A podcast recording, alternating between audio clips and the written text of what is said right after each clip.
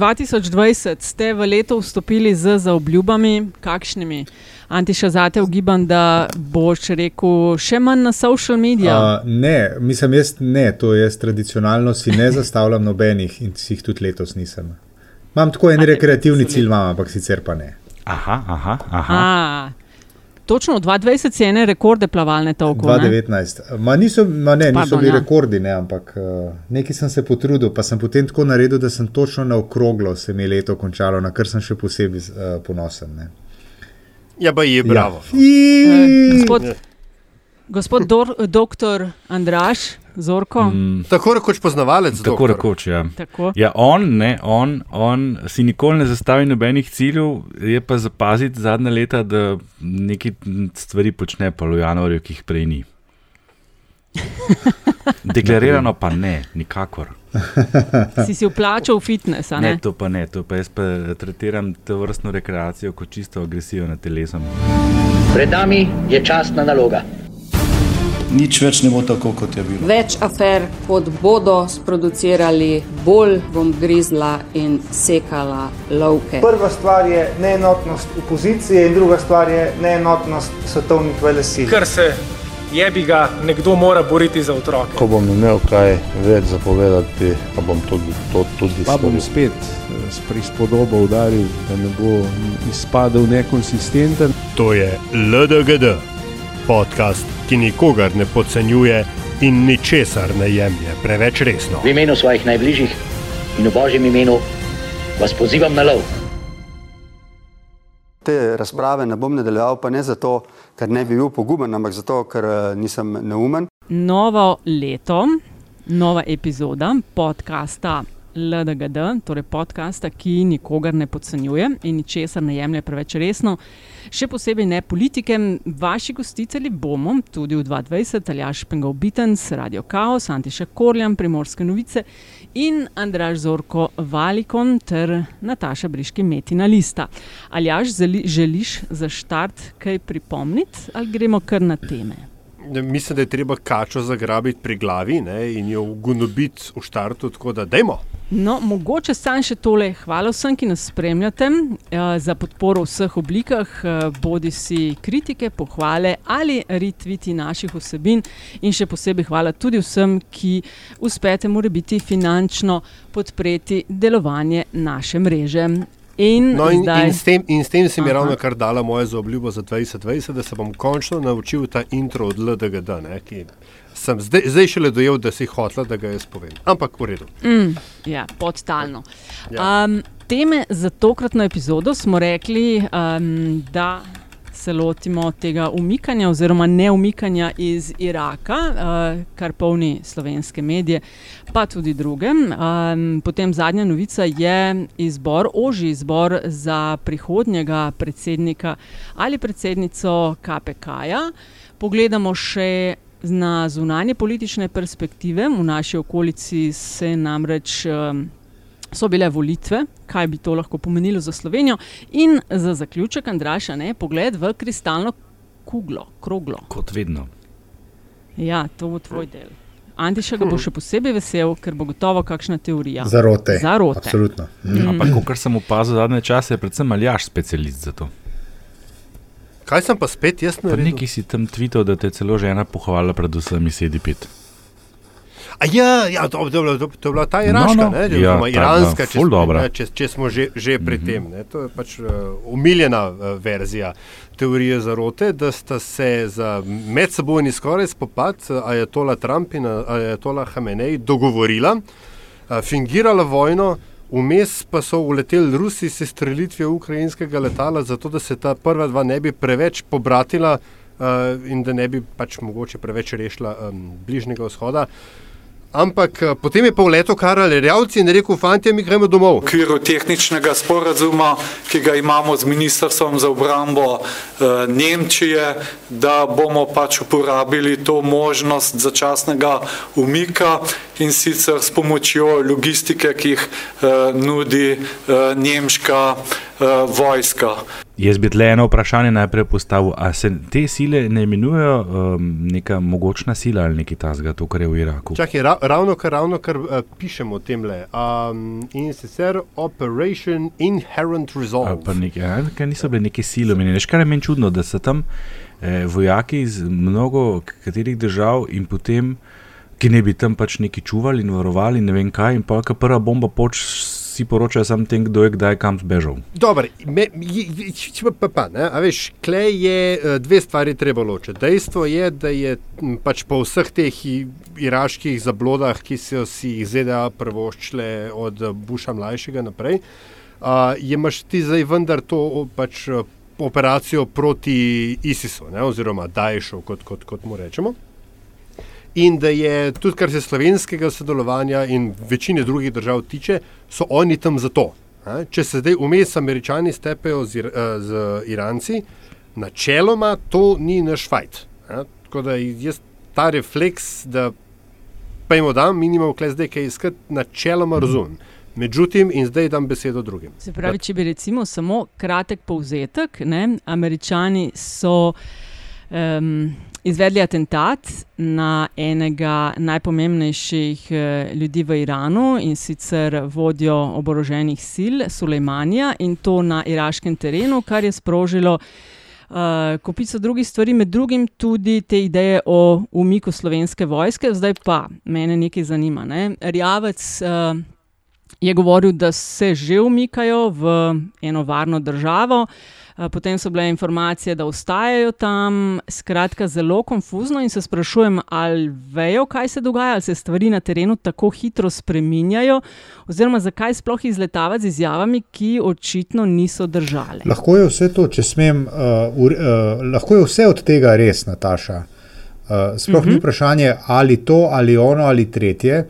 Dejstvo je, da uh, tako kot se je zadeva, uh, rekel, handlala, uh, v zadnjem dnevu, dveh, treh, uh, se mi zdi to zelo, zelo, zelo slabo. Mi smo tam gledali dramatične posnetke vrhovnega poveljnika in obrambnega ministra, ki sta se pogovarjala po videokonferenci. Dobili smo neke napovedi, kaj vse se bo zgodilo. Ministr za obrambo je bil malce uh, enigmatičen, tega, kam jih bomo peljali, vam pa še ne povem. Uh, Uh, minilo je 24 ur in kakšna čez, in uh, gospodje, šesterica, ki je bila tam, kjer je pač bila, ne, je kot razumem, še vedno tam. Zdaj, lahko da se stvari hitro odvijajo, Bog pomagaj, ne. se v košarki se tudi stvari hitro odvijajo, ampak obramba na njih odreagira. In tukaj mislim, da bi tudi morali uh, pač spremljati in reagirati na to, kako se stvari dogajajo na terenu. Uh, še posebej, če je to najbolj usposobljena uh, formacija v tej državi za ukvarjanje z vojsko, to je pa obrambno ministrstvo. Skratka, PR-ovsko, komunikacijsko, uh, če hočete, odločevalsko, mislim, da je bila stvar razmeroma slabo izpeljana. Jaz se bi kar strinjal, predvsem se mi zdi tukaj um, feler ministra Rjavca oziroma um, ta inherentna potreba civilnega politika, potem da dobro izpade, da, da izpade odločen ne, v, v, v takšni načeloma krizni situaciji. Um, Klej treba pač dodati to, da je ta odločitev o umiku um, prišla potem, ko so, Iran, ko so iranske oborožene sile izvedle povračilni napad, med drugim tudi na bazo, na katerih je, katerih je ta šesterica slovenskih inštruktorjev tam. Ampak uh, problem tukaj ne, je, problem, ki je zelo tipičen, ki je nastal, seveda, je problem, ki je zelo tipičen za Karla Rjavca. Namreč, da je prehitro preveč povedal. Ker uh, naši ne bi se umikali skupaj z, nemškimi, z nemškim kontingentom, ki so mu priključeni, uh, ker je seveda vse v redu, pač sodeluješ, fino, fajn, gremo. Ne? Ampak posebej so se pa Nemci odločili, da pa oni pa ne grejo da so se stvari tako umirile, da bodo pa oni zdaj ostali tam. Potem smo mi suvereno sprejeli odločitev, da ostanemo tam kot Nemci. Ne, zdaj, zdaj, zdaj se pa Karel Rjavc ven vleče, da bo pa v bistvu ne gre za umik, ampak za prečasno menjavo kontingenta in ne vem kva, gore dole. Skratka, in to me vse spomni, a veš na, une, na njegove izjave o arbitraži, takrat, ko je on že govoril, da on je pa vse, da on pa že ve, kako to bo. Ne? Kaj hočeš reči, da Rjavec ne ve, kaj dela, ali da izkorišča trenutek, ker se mu bližajo volitve v stranki, na katere se vršijo pritiski tudi od zunaj, ne samo od znotraj. No, mislim, oboje, ne? ker pač hoče izpasti odločen in, uh, se pravi, in control of everything, ne zle po slovenščino. Hkrati pa potem dela take napake, da se mu stvari potem začnejo dogajati in izpade v bistvu manj sposoben, kot ne, dejansko je ta hip. Ko, a, je kot je bil v si- preteklosti. Ne? Ja, ja, ja. Če je slednja, Andraš, kar si omenil, potem bi rekla, da je Erjavec zelo slabo izkoristil svoj trenutek, ne? ker je za vsaj nekaj ur prevladalo mnenje, da tako rekoč naši vojaki so že na poti v drugo državo, na kar je prišlo do tega, da ne, ne, ne. Zares, sploh se še niso premaknili, še več, ostali bodo. In če je šlo za izkoriščanje trenutka v luči prihodnih bližnjih volitev na kongresu, je še eno vprašanje relevantno, uh, koliko to njihovo bazo volilno sploh zanima. Antiša, Hm. Ne vem. Po mojem, po mojem volilna baza niso samo penzionerji. Ne, in, Večinoma a, so. Da, ja, Ja, 75%. Ampak so dobro, ne, uh, dajmo recimo tukaj špekulirati, da so to teme, s katerimi uh, politik nagovarja širšo, širšo bazo, ne, oziroma širši bazen uh, javnosti, širšo javnost, ne samo lastnih voljivcev. In tukaj se mi zdi, da je mu na testu verodostojnosti, je treba reči, da mu je spodletelo. Ne. Pa pred, predvsem to, tudi kar, se- kar se baze te ože tiče, ne, penzionerjev in tako dalje. a Veš, že tudi, če mogoče raztegnemo definicijo, pa rečemo, da so oni zelo skeptični do članstva v NATO, ali pa najmanj, kar je tej bazi lahko vedno fino prodaš, češ, no, mi smo pa američanom povedali, da pa nismo njihovi a, a, lakaji, je zdaj točno to izpadlo, ne, da on bo zdaj, da bojo da bo on naše vojake tam pustil, potem ko je že sovereno odločil, da grejo pa domov, da mi se pa tega ne gremo. Tule te bom, Izpade hud. Tule Ja. te pa mogo malo izvati. No, pa Zakaj pa izzovi. misliš, da njihova baza, oziroma njihovi voljivci spadajo med tiste, ki so skep, eh, NATO skeptiki? Um, zato, ker se mi zdi, da spadajo tudi v tiste, ki so zelo emocionalno navezani na izročilo NOB-ja, če se lepo izrazim. In to dvoje, po mojih anegdotičnih priznam, izkušnjah, je nekako v kar resnem presečišču. No, dobro, dobra hipoteza je kar smiselna, ampak bi jo kazalo preveriti. No, prosim, gospod, podatki. Gospod, tako, tako imenovani poznavalec, doktor Zorko. Tako imenovani Preveri. poznavalec.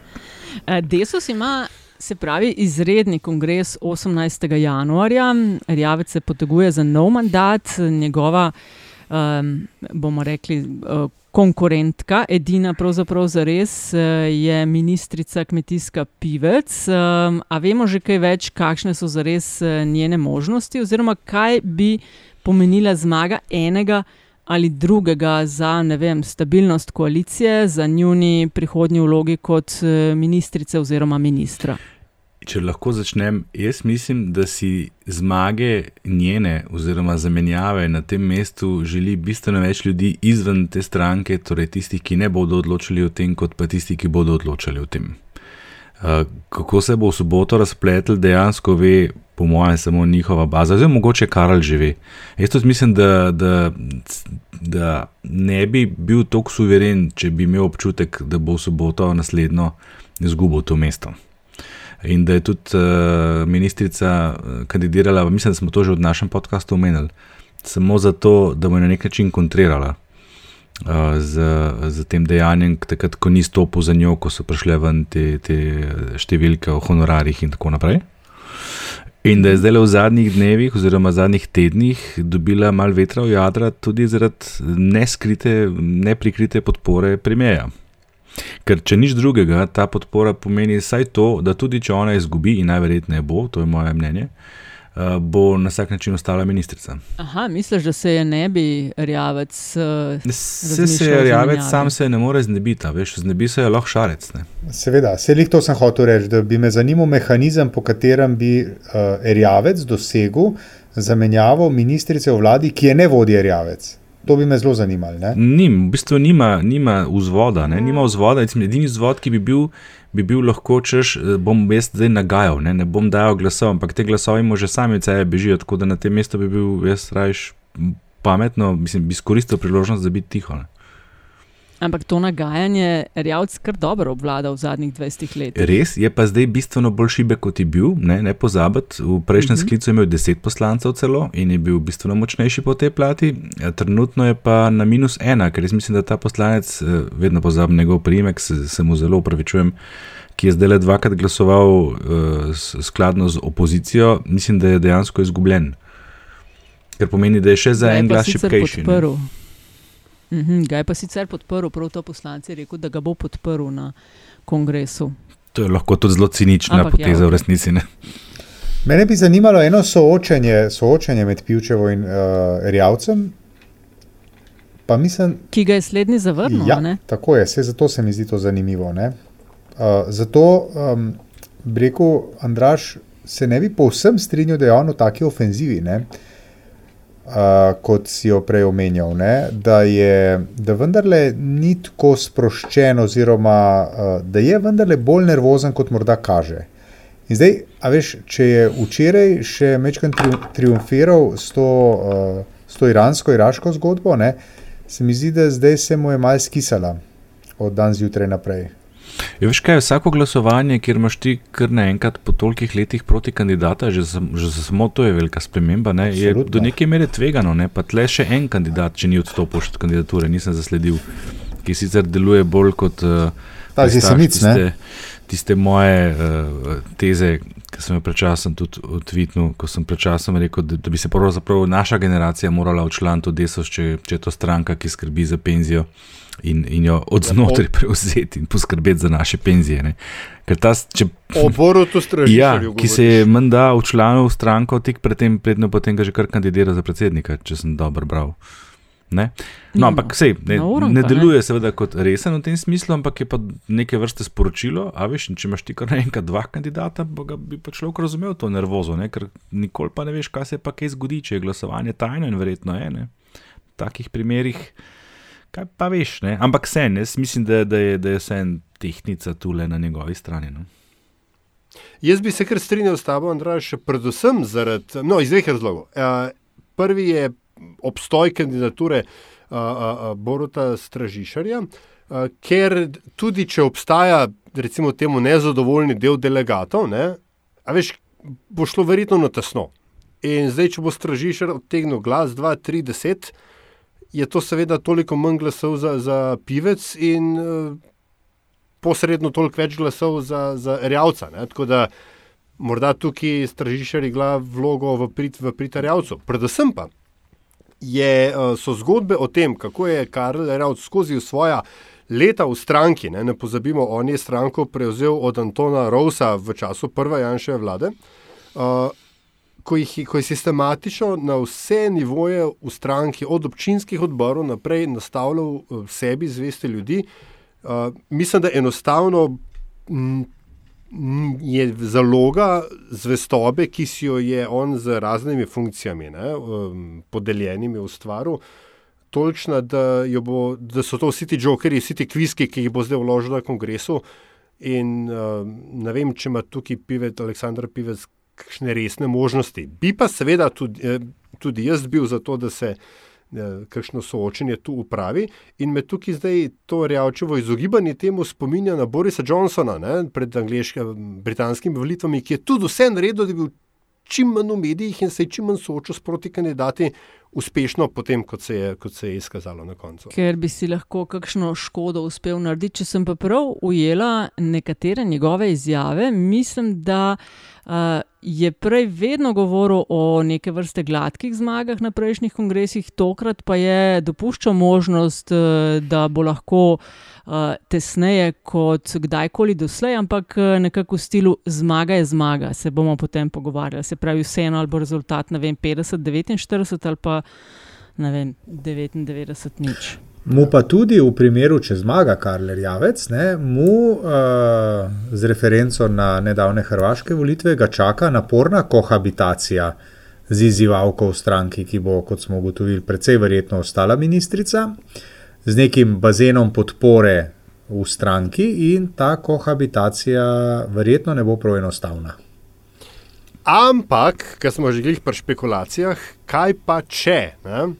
Jaz morda Karla Rjavca vidim, da bi toleriral Aleksandro Pivec v stranki, mogoče zato, ker ne bi hotel dodatno gunsati tega pušajočega čovna, ki je ta hip desus. Ne? Kaj pa če Aleksandra Pivec noče ostati v desusu? Kaj pa če o, namigujem na, Mhm, na prestop, Šarčevo. na Mhm. prestop v LMŠ? Ne?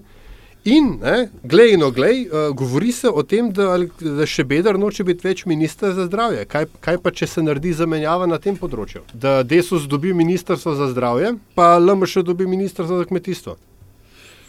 No, to so pa že kar konkretne spekulacije, ali res si se spe, Ja. specializiral za Ja, je, sem ravno hotel reči, da je upravičil sloves, ki ga je Andraš prej omenil kot pač ne? producenta Ja, teorij zarote. Ja, kar Ja, se vidi, da so bile počitnice, pa sem se spočil. Se pravi, če nas prav razumem, bi nekako večinsko mnenje bilo, da najverjetneje bo Rjavec zmagal, ne s takšno prednostjo, kot mora biti na prejšnjih kongresih, eh, in da se mogoče ministerski stolček v tem primeru pivec niti ne ima. Jaz bi rekel, da ja. Ja, tako ja. In tudi mislim, da bo ja. ostala v stranki, tudi če izgubi, zato ker če bi šla iz stranke, bi izgubila ministerski sedež, seveda ne. Kar, bi pa, kar pa vsakemu težko Tako. pade. a ne? Okay, uh, je pa ena še, ko govorimo o mm, izborih. Uh, pravkar, kaj, lep, a ni lep prehod. Lepa, lepa, lepa. Lepa, ne? Ja, pravkar smo izvedeli za uh, ožji izbor tistih, eh, ki jih je izbirna komisija predlagala predsedniku Pahorju za predsednika oziroma predsednico protikorupcijske komisije. Izbirna komisija je na seznam primernih kandidatov po abecednem vrstnem redu uvrstila naslednje kandidate: Tino Brecel, magistra Uroša Novaka, doktorja Jana Zapogorelca in doktorja Roberta Šumija. Ostale kandidate je izbirna komisija ocenila kot neprimerne. Kaj nam pove, da med štiri aktualnega predsednika sploh niso vrstili? Da se je predsednik republike zavedel lastne napake izpred uh, kaj, petih let in je ni želel ponoviti. Pa se, a je on tudi v tej skupini, ki izbira, ali je on samo tisti, ki izbere Ne. na koncu? A ja, se res. A ne? Ne, on Ja. izbere, pri čemer lahko zavrne in Tako. um, povabi. Se pravi, on ponovnemu ni se odločil o tem izboru, se pravi, to, To je res, to je rekli, res, Kar resna zaušnica To- to- na nek način, a ne? Po drugi strani je bilo pa več kot jasno, da je po mm, fiasku izbora v prvi komisiji, ne, pač Pahor se zelo potrudil, da je bil Štefanic imenovan in da je bil na nek način, da je sugeriral ne, komisiji po vseh možnih ovinkih, da naj bo pač naj ga potrdi. Ne. In je zato, to, da zdajšnja komisija tega ni naredila, jaz ne verjamem, da oni niso, da člani komisije, vsaj v nekih grobih okvirih, niso vedeli, kakšne so predsednikove preference oziroma ne preference v tem primeru. Ne. A je še kaj zapovedati o tej temi? Čakamo, mislim, da februarja. Jaz ne? mislim, da res ne. No. Eh, ne jaz sem rekel, sam hvala Bogu, da imamo to komisijo odspredje. In jaz se bom s tabo strinjal, Brko je padel v kvalifikacijah in prav je tako in pravično in spodobi se. Tako. Ja. Uh, še na eno temo smo rekli, ne, da bi želeli. Uh, Še eni izbori. Točno je 19 sati, evo kako ste glasali. Zoran Milanović 53,25%, Kolinda Grabar-Kitarović 46,75%. Zoran Milanović bit će novi predsjednik Republike Hrvatske. O slovenskih perspektivah, zdaj v naši neposrednji bližini, so se ravno končale predsedniške volitve na Hrvaškem, kjer je presenetljivo, namreč napovedi so kazale drugače. V drugem krogu zmagal kandidat socialdemokratske stranke Zoran Milanović, ki je porazil HDZ-evko in aktualno predsednico Kolindo Grabar-Kitarović. Kampanja je bila primerno umazana. Uh, z gomilo lažmi, cepljenimi na populizem. No, Milanovič je med svojimi prioritetami omenjal izboljšanje odnosov s Slovenijo. Zdaj, ob njegovi zmagi so se mi zdi na levi, kolikor sem uspela spremljati, nadaljavo ploskali, na desni, mogoče niso bili najbolj zadovoljni z izbiro.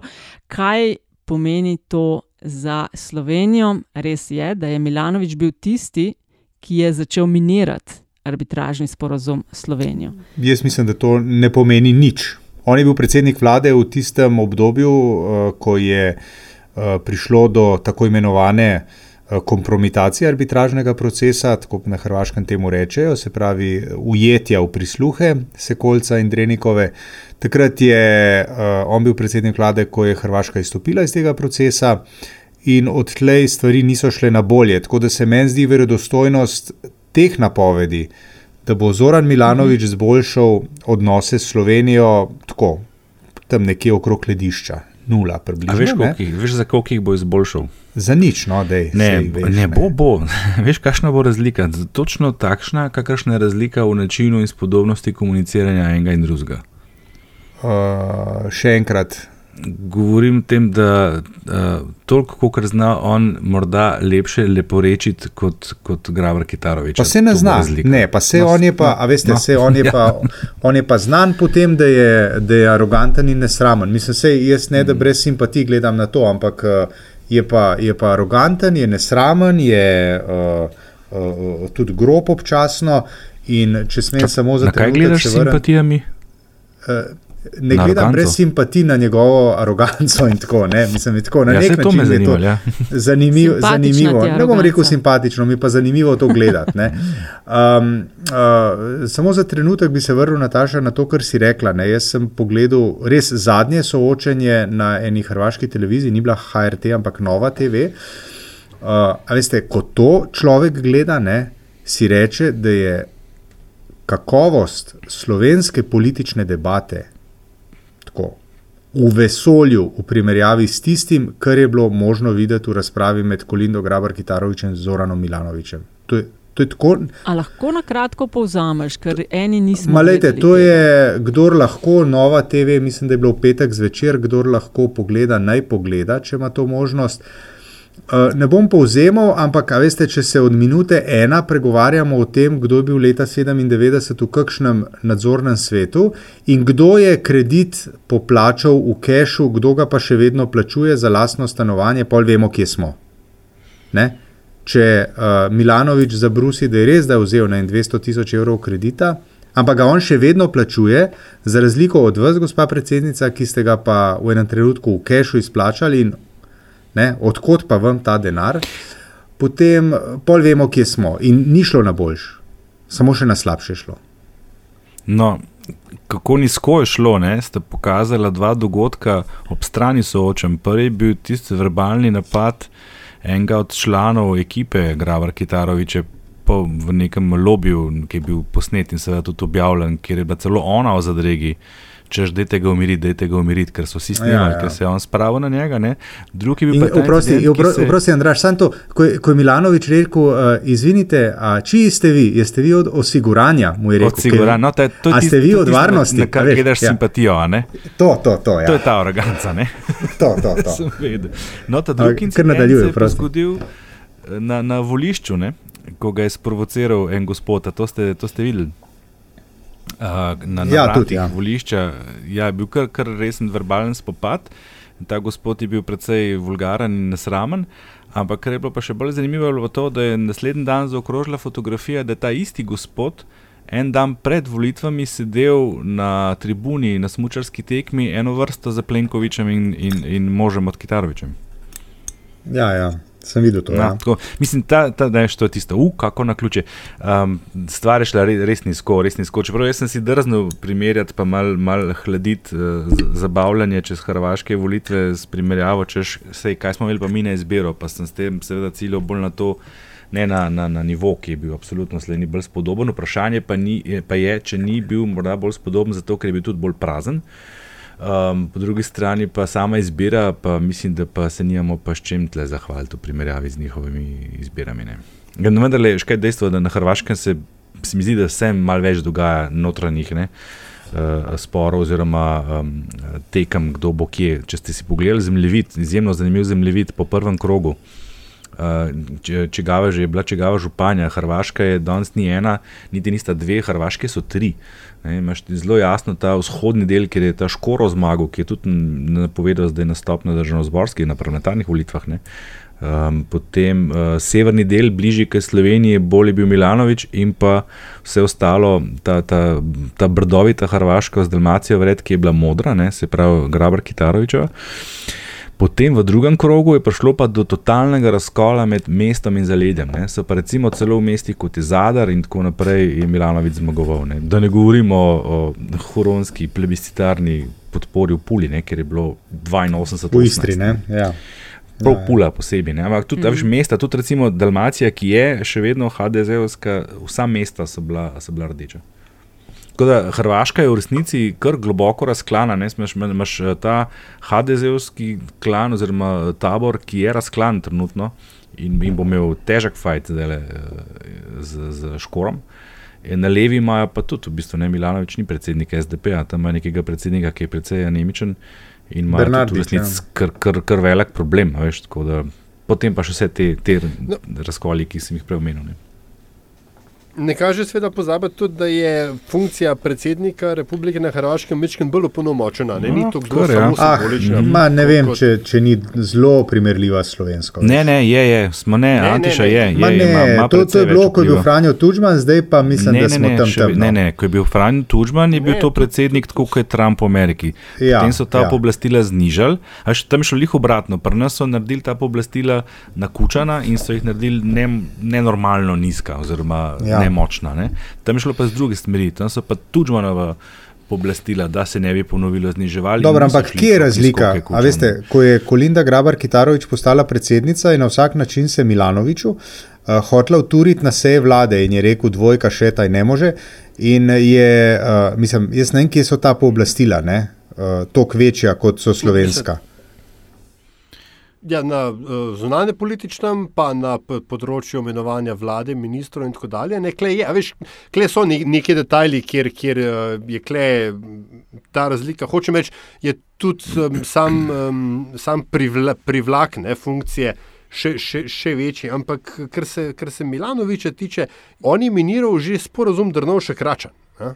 On je bil tisti, ki je Račanu zasadil nošo hrbet, ko je ta hotel najprej v svoji stranki in potem v saboru uh, nekako prodati ta osnutek tega sporozuma. Uh, in seveda, če sem detalj, ki sem si ga pa jaz to- iz tokratne kampanje zapomnil, je pa Milanovič priznal, da je on, uh, se pravi, v času begunske krize 2015, enostavno begunce šetal skozi Hrvaško in da se on kaj zelo ni ukvarjal s, te, s tem, kdo prihaja v Evropsko unijo in kdo ne. In je recimo re- ta podatek ali pa ta detalj mogoče pomemben tudi za a veš, medsosedske odnose. In vstop v Schengen, in tako dalje, da o predsedovanju Hrvaške, ki se že dogaja, ne, Evropski uniji, oziroma svetu Evropske unije, sploh ne govori. Sam Ja, ja, hotel na tem Hrva- trenutku omeniti, da imamo po mojem kar samo povej. še pet minut časa. Ja, Res je. Da, Hvala, Andraš. Sej, lej, še zakl... Ja, no, skratka. Hrvati so začeli predsedovati Evropskemu svetu, konec leta imajo parlamentarne volitve, verjetno bo za odnose s Slovenijo pomembna tudi uh, simpatija med Milanovičem in Plenkovičem, ki sta iz drugih političnih polov. Ne? In uh, naš predsednik Pahor, ki je mogoče še šarmiral lahko Kolindo Graber Kitarovič, bo tukaj vsem z Milanovičem mal uh, drugačen odnos. Čist tehnično gledano, pa dokler bo verjetno drugi človek na Hrvaškem MZZ, AMZ, Andreja Metelko Zgombič, uh, se bo verjetno nadaljevala ta uh, hard linija do Slovenije in sprememb ne bo. Ne. Če je kaj bilo v zadnjih uh, desetletjih videti uh, na primeru hrvaških politikov, ali so bili levi, desni ali umestni, predvsej enotni so bili, ko je šlo uh, za politiko do Slovenije, za razliko od naših. Uh, Avstrijo bomo spustili, ne? nimamo časa več. Ne? Avstrijo, če kar povej, kakšen stavek. Mo, ne, meni se zdi samo, kaj, meni se nova to, ja, to, ja, lej, mislim, meni se zdi krasno, da kot krasen uh, primer, uh, kakšna je dejansko razlika med uh, parlamentarno demokracijo, da si ravno je išla iz nacistične države, uh, je pa precej daljša kot v Sloveniji uh, in med, med nastanjem pri nas. Ne. Kakšna je razlika med po imenu enakima strankama, se pravi Avstrijsko ljudsko stranko in Slovensko ljudsko stranko. Ne. Slovenska ljudska stranka se ukvarja z migranti, z medvedi, z volkovi, ne vem še s čim. Ne. Avstrijska ljudska stranka naredila koalicijo z zelenimi uh, in, in v, v vlado vzela za ministrico uh, begunko iz, iz Bosne. Mislim, to vse pove, se mi zdi, kako daleč stran smo. Ja, to, je, to je eno, drugo je pa uh, morda. Mečem cinično, ne? ampak jaz sem mečem zastrigel z ošesi v tem povezovanju, veš, branjenje meja in branjenje okolja, Ozir, um, klima šucem, pa grencen šucem. Uh, to je nekaj, kar se mi zdi, da lahko, veš, lahko se razvija v nekaj zelo dobrega. Mogoče pač uh, Avstrijci ugotovijo, da so prioritete druge kot uh, ta security teater, ki se ga grejo na mejah in ki sem ga jaz te počitnice imel spet priložnost opozoriti lahko pa vse skupaj še kaj bolj tako zelo neprijetnega. Ne? Ja, sicer je res, da imajo zeleni samo tri ministre, zelo ministrice. Ne? Od 14, ja. če se ne motim. Ampak so, so pa, no, to, to moče razlog za optimizem, mečkan, da so vendarle, kot razumem, uspeli zelo uturiti svojo agendo v ta vladni svet. Tako je, vsekakor ne zanikajo podnebnih sprememb. Kar je dobrodošlo. Kar je dobrodošlo. Ker če bodo imeli uh, v Avstriji v redu podnebje, bomo ga imeli tudi mi. Pa, by the way, nekaj že, že umetni sneg delati na smočiščih, še to bom povedal, in grede. Ne vem, če ste brali danes, uh, uh, ti smočarski delavci, oziroma ko se jim reče. Žičničari. Uh, tako naprej. Ja, so čisto resno pričakovali, da bodo dobili subvencijo iz sklada za, podnebne, za posledice podnebnih sprememb. Pa jih je ministrstvo okolje že seveda gladko zavrnilo, da je to čisto nasprotju z namenom tega sklada. Mislim, veš, treba si bo priznati, da snega ni več, pika. Mislim, probaš pa vseeno, ne? Veš, to je najbolj neumna stvar na svetu, da, da umetni sneg ja, delaš. Če ga ni, ga ni, kaj češ zdaj? Mogoče snega ni, ostaja pa 30 sekund na koncu LDGD in Andraš, ti imaš danes to čas. Ojoj, dobro, v redu. Um, kaj se danes sprašujem? Sprašujem se, koliko božičev in novih let lahko doživi poprečna slovenska novoletna božična jelka. Namreč po dolgem času smo imeli pri nas doma spet čisto pravo. In trenutni števec za našo jelko je dva božiča in eno novo leto.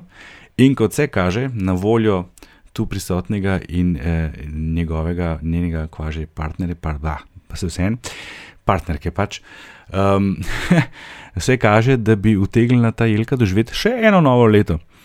In upam, da ne še tretjega. Zakaj to omenjam? Ne? Ker se mi zdi res neskončno smešno, da imamo na tako majhnem prostoru še vedno dve različni šteti, ki jih jemljemo, ali pa saj jemljajo nekateri tako blazno resno leta 2020. Ali jaš? Recimo. Ja, recimo. Um, ko greste v Avstrijo, imejte pri sebi dovoljšne zaloge gotovine. Ker kartice so tam bolj loterija. Schuldigung der Terminal geht nichts. To je eno.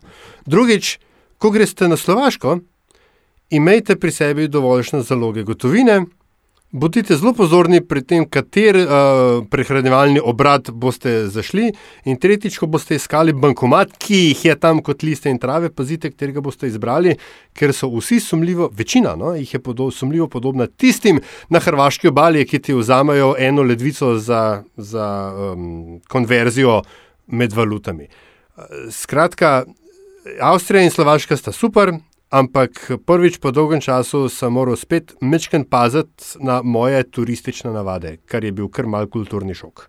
Mm.